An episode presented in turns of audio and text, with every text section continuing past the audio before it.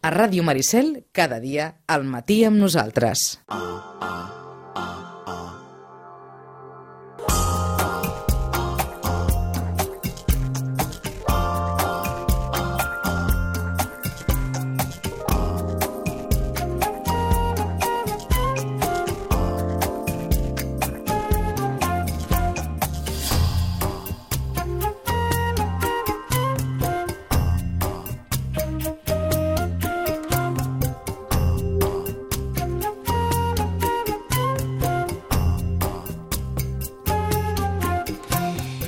Passat dues setmanes de Sant Jordi i, és clar tot s'ha temperat una, una miqueta. Ha passat aquell moment que els llibreters sempre sempre esperen, es varen donar xifres de venda, xifres de venda semblants, o fins i tot una mica millors que les de l'any anterior, i en definitiva els llibres més venuts i els no tan venuts ja han estat eh, motiu de moltes converses, de moltes tertúlies, de moltes entrevistes i de moltes informacions. A l'altre costat del fil telefònic saludem a la Rosana Lluc. Rosana, bon dia, bona hora. Hola, molt bon dia. Alguna sorpresa en aquest Sant Jordi o tot més o menys tal com les previsions indicaven? Doncs, home, la sorpresa va ser que segons quins llibres no es van vendre gens. Vaja. Aquesta va ser una sorpresa. Doncs llibres com uh, 50 ombres de Grey, uh, que, que havia estat doncs, un, allò, un bestseller des de feia setmanes i setmanes Mhm. i setmanes, No es va vendre? mm, no, no, no per lo que s'esperava. D'acord. Sí, es va vendre, però no, diguéssim, no, no, ni va continuar la tònica i va semblar que es frenés absolutament, no? Mhm. altres llibres, doncs els llibres així més de... tots aquests eh, que en diríem mediàtics, quan diem mediàtics no volem dir la classificació aquesta que ha tingut tant No, de... mare de Déu. Només va faltar que Pilar Rahola s'enfadés perquè, Sí, no, no, no, perquè, perquè jo, la classificació que- canviés de cop, eh? Va ser desafortunat, ho hem de, ho, ho hem de dir, perquè, Mhm. doncs perquè a veure, mm, si els llibres es, es divideixen en ficció o no ficció, clar, dir, eh, són ells els que en, tot, en teoria doncs, surten més als mitjans, però no. Nosaltres quan parlem de, de llibres mediats volem dir doncs, eh, llibres de, que corresponen a un programa, tipus Mhm. Polònia, eh? D'acord. aquests sí que El, són... els no? llibres que neixen expressament per una... Exacte. Vaja. D'un programa, D'un doncs, programa, el eh? llibre, no? Doncs, I són així, doncs, Mhm. no? que saben que eh, això té una durada mm, doncs molt minsa. D'acord. Una altra cosa és que l'autor del llibre sigui un autor mediàtic, com correspon a Pilar Rahola. Sí, Com en el seu dia- exemple, Jaume Barberà, D'acord. Però no, no, no se'ls pot dir que ell sigui, Uh -huh. saps? Vull dir, perquè el tema no ho és, o sigui, no té res a veure. Però precisament aquests llibres que dèiem que, que estan fets expressament arrel d'un programa, com per exemple Polònia, va ser, bueno, per mi, una sorpresa total, perquè és No el primer va- any que Mhm. això és un fracàs, Vaja. saps? Vull dir que dius, Suposo que per esgotament, també, no? suposo, saps? També, a veure, aquest any ho van Per voler esgotament fer... en el, en el sentit que, que esclar, portem uns quants anys en, Sí. en Polònia Sí. i, i, per tant, hem de suposar que també és un, és un filó que, del qual no es pot esperar que cada any estigui sempre a, a dalt de tot, no? Sí, jo crec també, saps què passa? Que, doncs, això, no? Una mica que ha sigut un filó que, que potser ja està superexplotat. Aquest any hi posaven la samarreta de Polònia, que era, saps allò de dir, Mhm. home, portem tots la samarreta de Polònia. Sí, sí, recordàvem que ens ho deies. Eh? Però mm, potser el producte ha sortit un pèl més car uh, i la gent en aquests moments no vol comprar un producte doncs, que està veient a la televisió i que Mhm. l'única gràcia potser seria tenir la samarreta, no?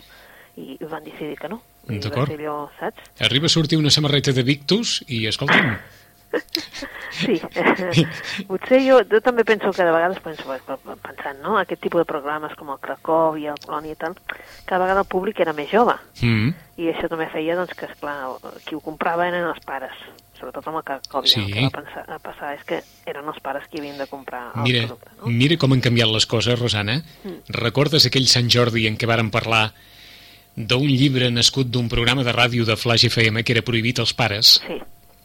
Eh? que es va presentar a la FNAC de Barcelona i que va haver, vaja, va haver uh, uh, allò que en dirien els avis, un desacato, Sí. com, com una, una gentada que, que, vaja, Sí, que es sí, va que va braonar, censurar tot, que va haver de venir els Mossos d'Esquadra perquè Sí. no hi havia manera de contenir la multitud, en fi, Sí. i estem parlant d'un llibre també generacional. Sí, Eh? I, i veus, no, no... Doncs aquesta vegada potser aquestes són les, les sorpreses més flagrants, no? D'acord. I l'altre és potser aquella sensació que com a llibreter dius... Eh, clar, No, no, acabat de, no acabat de sortir el que volia. Exacte, no, Vaja. no, vull dir, a veure, eh, la gent quan li donen un títol i zum, tots anem cap allà, Mhm. no? I tothom ha anat cap a Victus? Sí, la majoria ha anat cap a Victus. D'acord. I la Rosana, i la Rosana diu que Victus és un gran llibre, eh? Sí, no, no, vull dir, tret de, de, de, de Victus, que dius, bueno, no, és un llibre i tal. A més a més, bueno, també és cert que es va exaurir l'edició, l'editora ja ho sabia, perquè estava exaurida abans de... O sigui, no n'hi havia de llibres. Ahà. És així, no n'hi havia. D'acord, és a dir, de, de llibres de Victus no n'hi havia? No, no, o sigui, quan es va fer el repartiment, Sí. doncs uns dies abans de Sant Jordi, ja sabíem que sortiria una edició després de Sant Jordi, saps? Vull dir, perquè és que no n'hi havia. O sigui, Mhm. ni l'editor en tenia, l'editora en aquest cas, la, la Isabel, no en tenia, la distribuïdora no en tenia, o sigui que ja sabíem que la reposició seria nula. D'acord, o sigui que tot el que no teníeu per Sant Jordi no ho podríeu tenir. Exacte. Mm. Mm. Llavors sí que va sortir ràpidament una nova edició, però en tapa tova, o sigui, al cap d'una setmana, o sigui, a primers de maig ja hi havia una reedició en tapa tova, ara al Victus, tant en català com en castellà, primer es va fer la reedició en català, Mhm. tapa tova i dos euros menys. D'acord. I tapa tova, també, ara aquesta setmana ha sortit el Victus en castellà, tapa tova i dos euros menys. Però el curiós és que, clar, pensàvem, bueno, el Victus en castellà ja portem temps venent-lo, no? Llavors pensem, bueno, no, ha passat un Nadal, sí que es vendrà, però si surt en català, és evident que el Què? català Es vendrà. es vendrà. Bueno, el català i el castellà. Però, esclar, Mhm. es va acabar tot. O sigui que eh, tant la versió catalana com la castellana amb el mateix interès, eh? Sí, sí, sí. Sí. Sí, és perquè doncs, mm, mm, molta gent, malgrat que parlin, escriguin català, Mhm. etc etc i llegeixin català, eh, volien la versió original. Clar, perquè el, ell no l'ha traduït, eh? D'acord. Sánchez Pinyol no és qui ha traduït el llibre, perquè ell ja va dir que ell el feia en castellà, i ens ho va explicar, si te'n recordes, Sí, i tal. sí. I, I, per tant, ell no ha traduït el llibre. Llavors, quan la gent diu, saps què? Prefereixo... En castellà, perquè l'ha fet ella Mhm. en castellà. No- no és Però, una- Clar, hi havia tota una sèrie de, de lectors que s'estaven esperant Eh, el català. en català. Això és. No és una mala elecció si es pot agafar la llengua original, esclar. Sí, i llavors, bueno, i també és cert que és un dels llibres que ningú no ha tornat, és a dir, allò, aquelles devolucions post Sant Jordi que tothom t'ha comprat el mateix llibre, doncs no han tornat. I és de- i és d'aquests llibres que ben pocs deuen tenir signats, si és que algú té signat, eh? Sí, A no ser que es trobés Albert Sánchez Pinyol en algun lloc, que es Sí. veu que va anar, va anar a Olot el dia de Sant Jordi, doncs a no ser que se'l trobessin per allà Sí, i li que és demanessin, anti tot això, eh? és anti tot això. És anti, sí, totalment, eh? D'acord? Sí. Aquesta és la paradoxa d'aquest Sant Jordi, eh? Com un home que és anti tot això aconsegueix ficar el seu llibre en el llibre més venut en el Sant Jordi, eh? Sí, sí, la veritat és que sí. Vull dir... I pel que fa al resta, doncs també, a veure, ja esperàvem que l'Albert Espinosa fos un dels més, més, més, més venuts i que ho fos tant en català com en castellà. Això ja ho Mhm. esperàvem, la veritat. Eh? I ja ens deies també que aquest no era un llibre estrictament generacional, eh, però? Sí, però la veritat és que no, no, jo crec que no és tan... per joves, joves, eh? A això em referia. Sí, sí, sí. Mhm. No, no. Que anava una miqueta més enllà de, Ah, de, exacte, molt del enllà. públic de pulseres vermelles, vaja. Sí, sí, sí. I llavors doncs, va, va més enllà i llavors, clar, també ha sigut doncs, això, no? Doncs molta gent de dir, escolta, bueno, també som, estem en moments també que la gent busca coses també, saps, allò que donin ànims, eh? De dir, eh? Que vegin una mica, doncs... Una mica d'esperança, eh? enllà. Una Eh? mica d'esperança. Sí, sí, sí, sí, realment és això, eh? Realment és això. Sí, sí, a més a més tothom t'ho diu, no, no, no, no això no, no, no. coses divertides, Mhm. eh? Coses Em, amb esperança. Ha estat un bon Sant Jordi de vendes? Sí, ha estat Sí. un bon Sant Jordi, però mm, malgrat tot s'ha de dir que el dia de Sant Jordi no... Vull dir, les primeres... mm, Jo, jo crec que les primeres dades que van sortir eren massa, massa, massa optimistes, perquè van sortir massa d'hora. La veritat és que, Mm. clar, si es donen al És que ho volem, ho, ho volem tot mica- tan d'hora. Eh? Ho volem tot tan d'hora. Exacte, saps? Vull dir, és que tothom exigeix les... Ah, va, va, dieu quins són els més venuts, va, va, va, va, va, va, va, com estan les vendes? Escolta, perdona, és que no es pot mirar això així.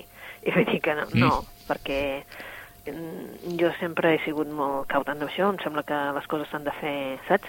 Per saber exactament, això només cal tocar l'ordinador, és a dir, Mhm. perquè com que vens per ordinador, Sí. és a dir, escolta, se n'han venut tants, malgrat que tu et sembli que has venut molt d'un altre, saps? Perquè després la realitat et diu, ei, no, no, és aquest el, més venut. Mhm. Nosaltres, clar, per fer-lo dels més venuts ho fem, saps allò, el rànquing estricte, i si surt un primer i no ens agrada, doncs no ens agrada, però és aquest el primer. D'acord.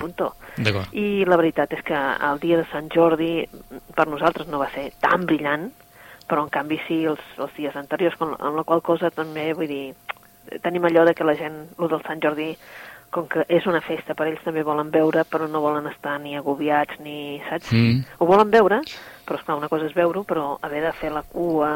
És, és interessant també aquesta reflexió, perquè hi ha més d'un o més de dos que senten com una mena de pressió implícita per Sant Jordi, Sí. allò de dir aquell... aquell és que si no t'apreten a, a, et condueixen a, a comprar directament, no? Sí. I, I la Rosana parla d'aquells que senzillament volen, volen mirar, volen participar de, de la festa, De la si, com, festa, si però- convé compraran a un o un altre o el que sigui, però que no, no tenen aquella pressió al clatell de, No. de perpètuament des de primera hora del matí Exacte, eh, i llavors i, i també i jo crec que hi ha molta gent que doncs, ho fa amb més temps, no? Amb, Uh Vull -huh. dir, Amb més discreció, vaja. Sí, i volen escollir-ho bé, de dir, bueno, doncs, que, que se'ls recomani, que, Mhm. saps?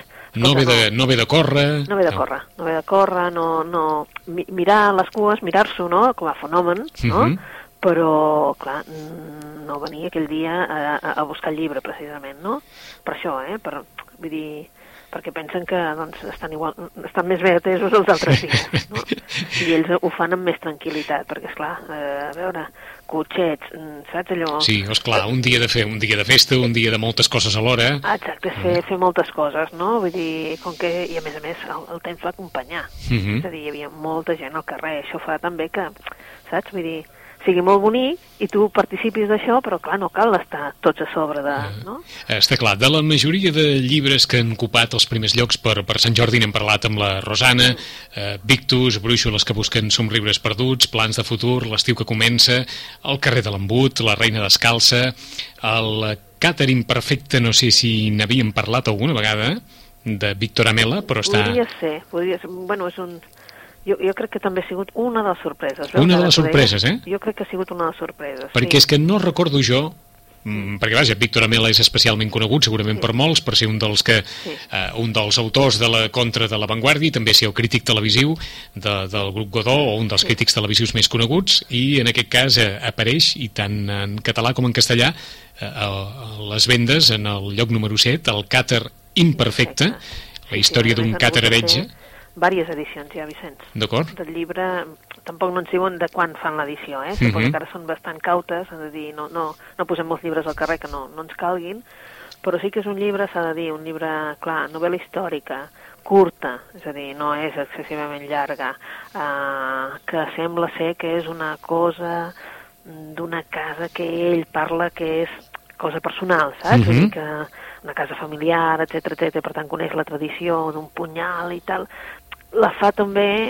que ell, quan ho explica, la gent s'ho cregui i digui, ah, aquesta, no? Això sí que ha influït, eh? Vull dir que aquest també sabia dels que ha influït el fet de que ell expliqui doncs, la novel·la i que surti molt als mitjans, eh, perquè mm, les altres vegades que ha escrit llibre no havia escrit mai novel·la, això s'ha de dir, per tant, és la primera novel·la, però eh, el fet de que, doncs, eh, saps, allò, que ell surti en mitjans de comunicació també ajuda Mhm. a això. Eh? D'acord. I a la seva forma d'escriure també molt, molt planera, molt directa. Sí, molt, sí, esclar, és Mm? més periodística, no? És més periodística? Sí, Ah i llavors també això i fa, uns no? moments també ho comentaves, què ha passat amb Jaume Barberà? Mm, Que és un, és un boom, això, no? un boom, un boom. Bueno, és que la veritat és que si hi ha hagut alguna cosa diferent dels altres anys és que hi ha hagut taules d'independència. Eh? És a dir, hi ha hagut tants llibres sobre el tema independència, no?, que potser ha sigut també aquest detonant. No surten a les llistes, d'acord, però és que n'hi havia molts de diferents. Llavors el públic se podia, saps allò, el lector, com a lector, pot decidir el què, no? És igual, eh? Des de Martí Anglada, a, que va fer aquell Quatre vies per la independència, Mhm. el full de ruta, mm, n'hi ha hagut la història d'Esquerra Republicana, n'hi ha tants d'independència, des de, vull dir que ja portem un temps que surt des de l'11 de setembre que estan sortint bastants llibres sobre independència i suposo que sortís el, amb un títol tan contundent com s'ha acabat el bròquil, doncs el Jaume Barberà ho, ho ha encertat. És un llibre molt curtet, eh? Ell, la veritat és que, mm, no sé si tu estaràs d'acord, vull dir, és un senyor que està fent ara en aquest moment un programa Mm, que està interessant molt més que el que interessaria amb un, entre, amb un entretemps. Cert. Jo crec, eh? sí, sí. Vull dir, Jo crec que ara en aquest moment eh, hi ha un... Un, un, com ho podríem dir això, un reducte de, Sí, dels especialment crítics amb el, amb el sistema. sí, sí, sí. Però vull dir que... Com, començant pel periodista, pel propi periodista, Sí, que sí. s'ha convertit en una mena de portaveu també eh, molt, molt explícit en més d'una ocasió de, de pensaments personals o de, de, de pensaments que s'han agrupat a través de, del seu programa. Sí, i llavors, clar, mm, això fa que també eh, molta gent li tingui allò de dir ah, doncs aquest senyor. Uh -huh. Eh, vull dir, saps? I llavors, i, i, el, i el títol, que suposo que també és una manera de, de dir, bueno, tots, Mm. eh? Eh, Aquesta, Eh? vaja, diríem, aquesta expressió catalana que no sabem si mai és traduït al castellà al llibre, No sé com s'ho farem. no, jo no ho sabria dir, eh? vaja, o, o, o, o posen un, no sé, un se acabó lo que se daba, una cosa així, Sí, sí. o, o, o si no, tampoc, eh? però tampoc és el mateix, no, això del... eh? no, no és tan contundent com No, s'ha acabat el bròquil. exacte. És dir- Nosaltres diem, s'ha acabat el bròquil. Exacte, aquestes, Ara exp... ja, aquestes expressions tan intraduïbles... Sí, eh? Mm? Però tan Però- nostres, no? I Sí, que sí. tothom ens entenem que diem s'ha acabat el bròquil, bròquil, doncs. t'ho diguin on t'ho diguin, tu dius, mm, vale. Ah en qualsevol, en qualsevol sí. cas, es va notar per Sant Jordi que aquest va ser un dels llibres Sí, que més sí, es va demanar, eh? Sí, sí, sí, és un dels que de bon matí eh, era allà pum, pum, pum, pum. Eh, vull dir, i bueno, eh, es va acabar, es va acabar, evidentment, es va acabar al migdia i ja s'havia acabat el llibre, vull dir, també a veure, penses que sí que es vendrà, però tampoc no penses tant, no? Vull dir, esclar, i és aquelles coses, i un altre dels que, ho, sen- ho sento, però va ser així, va ser un rum-rum aquí, tota l'orella, tots els sant dies. Uh, uh, teniu el llibre del Revilla? Oh, Sí, caram! Sí, sí, aquest senyor no, no... Poca broma, eh? Que A mi m'ha- del fet gràcia el teu comentari. Sí. Diu, ho sento, però és així. Diu. És així, és així, perquè és que és així, és que dius, a veure, eh, no sé si, saps? Vull dir, exactament de què parla el llibre El, del el, el llibre que també té un títol d'aquests que, que, que, vaja, que permet d'entrada ja la, la discussió. Eh? El llibre es titula Nadie és més que nadie. Sí, el saps? llibre de, de Miguel Ángel Revilla, del, de l'expresident de, de Cantàbria, i, i per tant, diguem-ne que d'entrada el títol també eh, segurament és un bon argument de venda. Sí, i ara te'n diré una, que com que no ens està escoltant, suposo, la Vinga. titular, te'n puc te dir una. Uh, Nadie és més que nadie ja estava previst que s'edités en butxaca. Vaja. eh? ja estava previst, o sigui, ja teníem feta la fitxa, ja sabíem que sortiria i tal. El retiren Hm. i tornen a fer una edició, i tornen a fer una edició, i tornen a fer una edició. Perquè aquest senyor al sortir en un programa, doncs resulta que el llibre ara és un boom. D'acord, o sigui que estava no, previst... No, no dona temps de treure'l de butxaca perquè eh, no cal, o sigui, Uh -huh. han de fer edicions de, de l'altre. I dius, Mm. bueno, eh? És a dir, que el fet que Miguel Ángel Revilla hagi aparegut a Telecinco i a la Sexta, especialment, Sí, eh, eh, això ha servit perquè perquè el llibre generi tal quantitat de benefici que el, de moment l'editorial no es plantegi com es plantejava una edició de butxaca, sinó que vagi renovant aquesta edició. Sí, sí, suposo que el, la té plantejada, o sigui, la, la té Sí, sí. preparada Mhm. per quan l'hagi d'imprimir, però no la té impresa, o sigui... Perquè de moment això encara tira d'aquesta manera. Sí, sí, sí, bueno, és, és curiós, eh? va ser un fenomen, però també ha continuat durant aquests dies, eh? Mhm. perquè la, la por d'aquestes coses és a dir, i després de Sant Jordi? És clar, Ha continuat, sí, sí? Sí, sí, sí, hem de dir que, que ha continuat, aquests dies d'això ha continuat. Però és clar, la por de l'editor lògica és de dir, molt bé, ho han demanat pel dia de Sant Jordi, però Mhm. després el maig és un desert, això, no? I llavors dius, bueno, què fem amb això? Vull dir que, clar, ho reeditem, no ho reeditem, clar, Sí, sí. i ara és què fem amb les reedicions, perquè, és clar, ja sabeu que després de Sant Jordi venen tot el tema de que mm, amb unes llibreries els hi han sobrat uns, amb altres un altre, no? Llavors, jo què sé, doncs, per dir-te, no? Igual a, a Puigcerdà, de Revilla, no n'han vengut cap. I en tenen, i tota aquella zona baixa cap aquí, els llibres, però no, no, és un llibre exauridíssim, ja ha tornat a sortir una nova edició, Caram. s'ha tornat a vendre, però de moment n'hi ha, eh? Ara està disponible el llibre, Mm. però és un d'aquells llibres, no?, que, que És, és interessant la síntesi que em fa la Vanguardia com un pastor de cabres dels anys 50 es converteix el 2003 en president de Cantàbria. Bueno, doncs... I O sigui ara, que- en un que llibre de no ficció, venut. En un llibre de no ficció venut. Sí. Mm?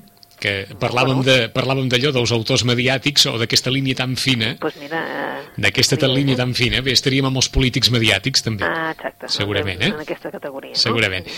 Fet el repàs al Sant Jordi d'aquest eh, 2013 amb Victus per, per damunt de tot i les brúixoles i el llibre també que en el seu dia ja la Rosana va dir que segurament seria un llibre que es vendria molt, com La reina descalça d'Ildefonso Falcones, fets aquests al pòdium i també eh, la resta de, de llibres que han estat mm, motiu de en aquest cas de, de notícia en aquest eh, Sant Jordi, anem per algunes eh, recomanacions del que hagi quedat de la ressaca del que creguis tu. Bueno, no sé, jo no, no sé si vam recomanar la trama nupcial. Jo diria que no. La trama Doncs, nupcial. La trama nupcial, eh, en català la trama matrimonial, s'ha traduït diferent. Mhm. Per mi és un llibre que em, em va agradar moltíssim, però sí que és cert que és un llibre que, que és un llibre més literari, que és un llibre que no és de Sant Jordi, és un llibre de, de llarg recorregut. L'autor és Jeffrey Eugenides, i ja va fer un altre llibre, bueno, n'ha fet dos realment, un era Les verges suïcides i l'altre era Middlesex. Uh, és un autor que ens presenta, l'escena és el, un campus, un campus universitari, anys 70, uh, clar, mentre escolten la música mm, dels Talking Heads, uh, doncs hi ha una noia, eh, la Madeleine, la Madeleine Hanna, que està estudiant una carrera, està a punt de fer una tesi sobre el 19 i l'amor en el segle XIX. L'amor, precisament, entre, per exemple, en les novel·les de la Jane Austen, de la George Eliot, etc etc, eh, d'aquest tipus. I mentre llegeixen els filòsofs eh, francesos, Jacques Derrida, Roland Barthes, etc. Eh? I llegeixen el llibre La trama enamorada. Eh? De fet, eh, mm, clar, ella és una noia doncs, que creu en l'amor, mm? Que creu que, que sí que es pot estimar, però clar, està, està llegint la filosofia aquella que diu que quan has dit t'estimo ja l'has pifiada, com si diguéssim, no? Llavors, eh, coneix a dos personatges, hi ha dos personatges a la seva vida. Un és el Mitchell, un estudiant de teologia, un estudiant allò més seriós, que vol ser amic i vol arribar a alguna cosa més, uh, serà una influència en la seva vida, i després coneix un altre personatge, el Leonard, que comparteixen tots al seminari de semiòtica. El Leonard és més aviat eh, de ciències, per dir-ho d'alguna manera, però amb una formació humanística molt important. Per tant, capaç de discutir-li qualsevol cosa, qualsevol... Eh, això.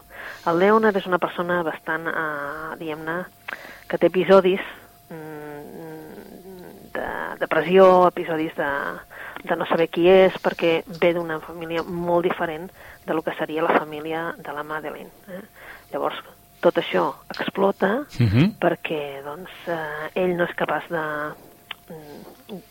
de, de, de, de patir la pressió que suposa la, la, perquè ell és un perfeccionista, no suposa la pressió que suposa doncs, estar a la universitat, llavors és la història d'ells tres com a personatges. Una història que anirà més enllà de la universitat, una història que serà a tres, entre tres persones, la Madeleine, el Leonard i el Mitchell. És una novel·la que a mi m'ha agradat moltíssim i que, bueno, jo recomano, però que reconec que no és una novel·la que sortiran els més venuts, però sí que n'ha sortit crítiques i crítiques importants de, Mhm. sobre l'autor, i és una novel·la d'aquelles que, per mirar, per veure si algú, eh? vull dir, mireu-se-la per darrere per veure si algú encara li crida l'atenció. D'acord, que quedi clar, com comentava la Rosana, que algunes crítiques deixen aquesta novel·la pels núvols, eh? Sí, sí, sí. Algun En, sí, en el sentit que- d'una de les millors novel·les de l'any, fins i tot eh, eh, es diu d'aquesta forma mm, Mira, directa. me Eh? jo, saps? Doncs, que no. allò que dius, bueno, una altra, però... T'escoltàvem i ho cercàvem i efectivament hi ha, hi ha vaja, un, crítiques absolutament elogioses a la trama nupcial de Jeffrey Eugenides. És un dels llibres que et sap greu, saps? Que no arribi a, Mhm. a un públic lector-lector perquè, saps? Perquè és d'aquelles que val la pena llegir, eh? Mhm. És la- d'aquelles que val la pena llegir, que de vegades doncs, això costa, eh? O ens costa trobar, eh? Una història a tres bandes Sí, i amb, i amb tres singularitats sí, molt, molt diferents, tres completament diferents. Tres, eh? Cadascú, però el tema de l'amor, eh? però, esclar, és el seu anel, eh, què volen fer la vida, eh, cap on volen encarar-la, mm, saps? I llavors van, vas rescatant la vida de, de cada un d'ells, de, de com estan les famílies, no? de com influeix també l'entorn familiar, etc etc. Mm -hmm. Una bona manera de començar aquest apartat de recomanacions que seguim amb, amb què, per exemple? Doncs mira, uh, una que acaba, acaba de sortir, però és que acaba vol dir acaba, eh? ahir, eh? es diu Algun dia nos lo contaremos todos. Mm? Sí. En definitiva podríem dir uh, que és una novel·la sobre un amor obsessiu. Eh? Mm, aquesta estem als als anys 90, estem a, eh, a la República Democràtica d'Alemanya, mm? Ho t'ho dic així perquè com, com sí, ho havíem après. Sí, eh? sí. I la veritat és que... Allò que després eufemísticament se'n diu Alemanya de l'Est. Exacte, sí, però eh? saps allò que dius? Oh. Jo ho havia après així, eh?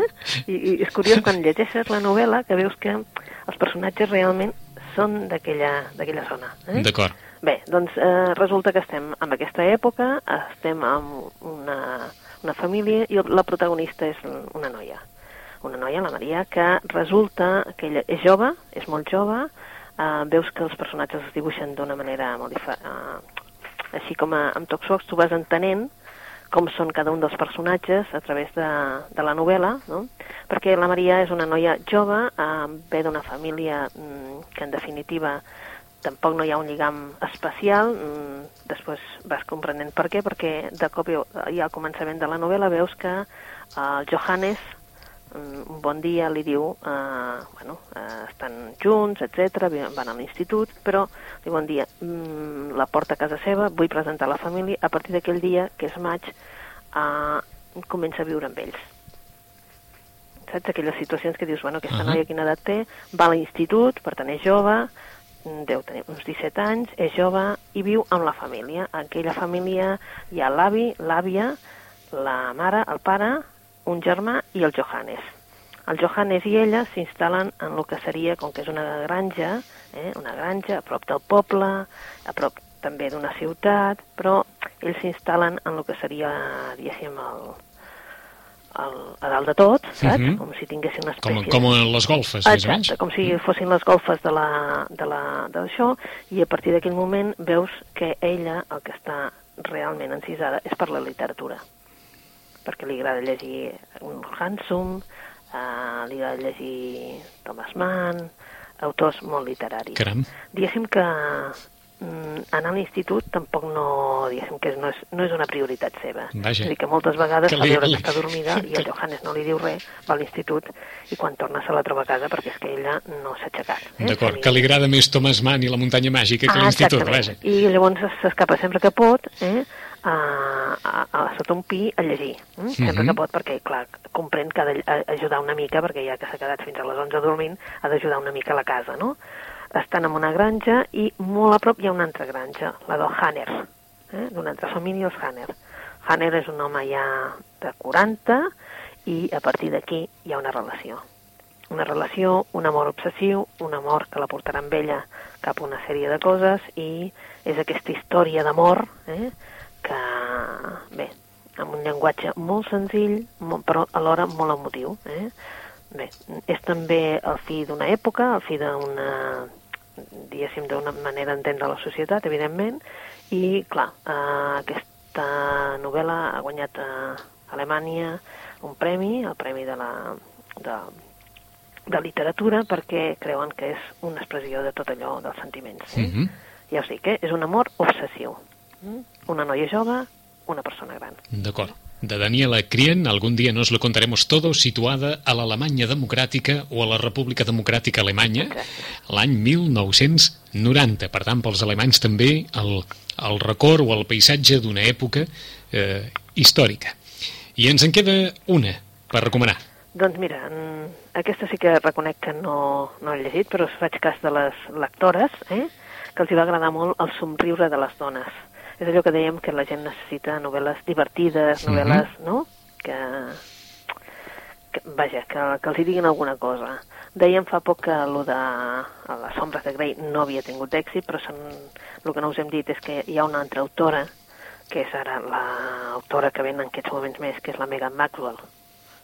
Pel mateix camí, eh? pel mateix camí, però potser més romàntica. De la Megan Maxwell ara hem hagut de recuperar totes les obres anteriors perquè realment és la més, la més venuda. Però ja sí que hi ha un altre públic que vol així novel·les com a més romàntiques sense el tema sexe que no, no cal que hi apareixi tant, no? Llavors, El somriure de les dones va ser una obra d'aquelles, doncs, de París, saps? Una noia París, coneixia algú, etc. Ara, el mateix autor, el Nicolas Barró, que continua amb aquest mm, estil, ens presenta Un capvespre a París, eh? A un capvespre a París ens parla, doncs, propietari d'un cinema, el Cinema Paradís, a, a París, que, bé, que és una sala d'aquelles que diguéssim, que, que es projecten tipus Verdi, saps? Allò... Eh, no, mm, allò d'Arri Assaig. Exacte, seria això, eh? I, bueno, amb ell, clar, és que és un somiador mm -hmm. i el públic que entra eh, allà pues, és igualment somiador com ell, no? És allò, un altre tipus de públic, eh? Però hi ha una espectadora que ell s'hi fixa de seguida que du un abric vermell, eh? I cada dimecres hi és. I seu sempre a la mateixa fila. Mm, bueno, ella l'observa durant mesos i al final l'Helene s'atreveix a, a, a sortir amb ella, a convidar-la i queden pel següent dimecres. Però clar, la perdrà de vista perquè resulta que entremig eh, hi ha una, hi ha una... Ell rep la, la visita de dos personatges, un director de cinema nord-americà i una dona que li proposen llogar la sala durant una setmana per rodar una pel·lícula. Uh mhm. -huh. Evidentment és una oferta increïble, però el problema és que, és clar, ella no vindrà. I ella no ve.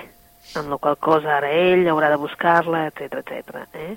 Bé, és allò de que també a París, sempre ens quedarà a París i sempre allò, un cap vespre a París, mm -hmm. és això, una història romàntica sobre un, un noi que vol buscar la noia de l'abric vermell. O sigui que avui ens has presentat tres històries d'amor, eh? Sí, Aquesta... sí, ben diferents, eh? Ben diferents, ben diferents. Ben diferents eh? Aquesta darrera, Curiós, com, a, eh? com ens deia la Rosana, recomanada pels propis eh, lectors de Nicolàs Barró, El somriure de les dones, ens diu a la síntesi a l'editorial Columna, la pàgina de l'editorial Columna, una història d'amor tendra i emotiva ambientada al París més xic, una noia que se sent sola perquè l'acaba de deixar la seva parella i un escriptor que s'amaga darrere de la seva faceta d'editor s'enamoraran perdudament. Una història d'amor, l'altra, la d'aquesta jove de 17 anys que sabeix completament completament diferent que sabeix de la seva de la seva vida no massa edificant a través de la literatura dels clàssics i que coneix a un home de 40 anys i també viu en una història d'amor eh, apassionada i visceral, algun dia nos lo contaremos todo, llibre de Daniela Crien que se situa a l'Alemanya eh, democràtica de l'any 1990 i després aquesta història d'amor a tres bandes eh, protagonitzada per eh, Leonard, la Madeleine i en Mitchell la, llibre es titula La trama nupcial de Jeffrey Engerdis i val la pena també, o almenys diuen les crítiques i la Rosana així ho recomana una altra història d'amor d'aquelles que fa pensar o que com a mínim val la pena llegir amb, amb calma, que no és d'aquells llibres que, que es llegeixen així eh, a coll i bé, sinó que demana doncs una, una tarda tranquil·la com a mínim o una estona de, de tranquil·litat per, per posar-s'hi. Són les nostres tres recomanacions eh, d'avui. En 15 dies, com no, tornem a fer un repàs al temps dels llibres, a les recomanacions de la Rosana Lluc. Rosana, gràcies. Gràcies a vosaltres. Fins aquí 15 dies. Fins aquí 15 dies.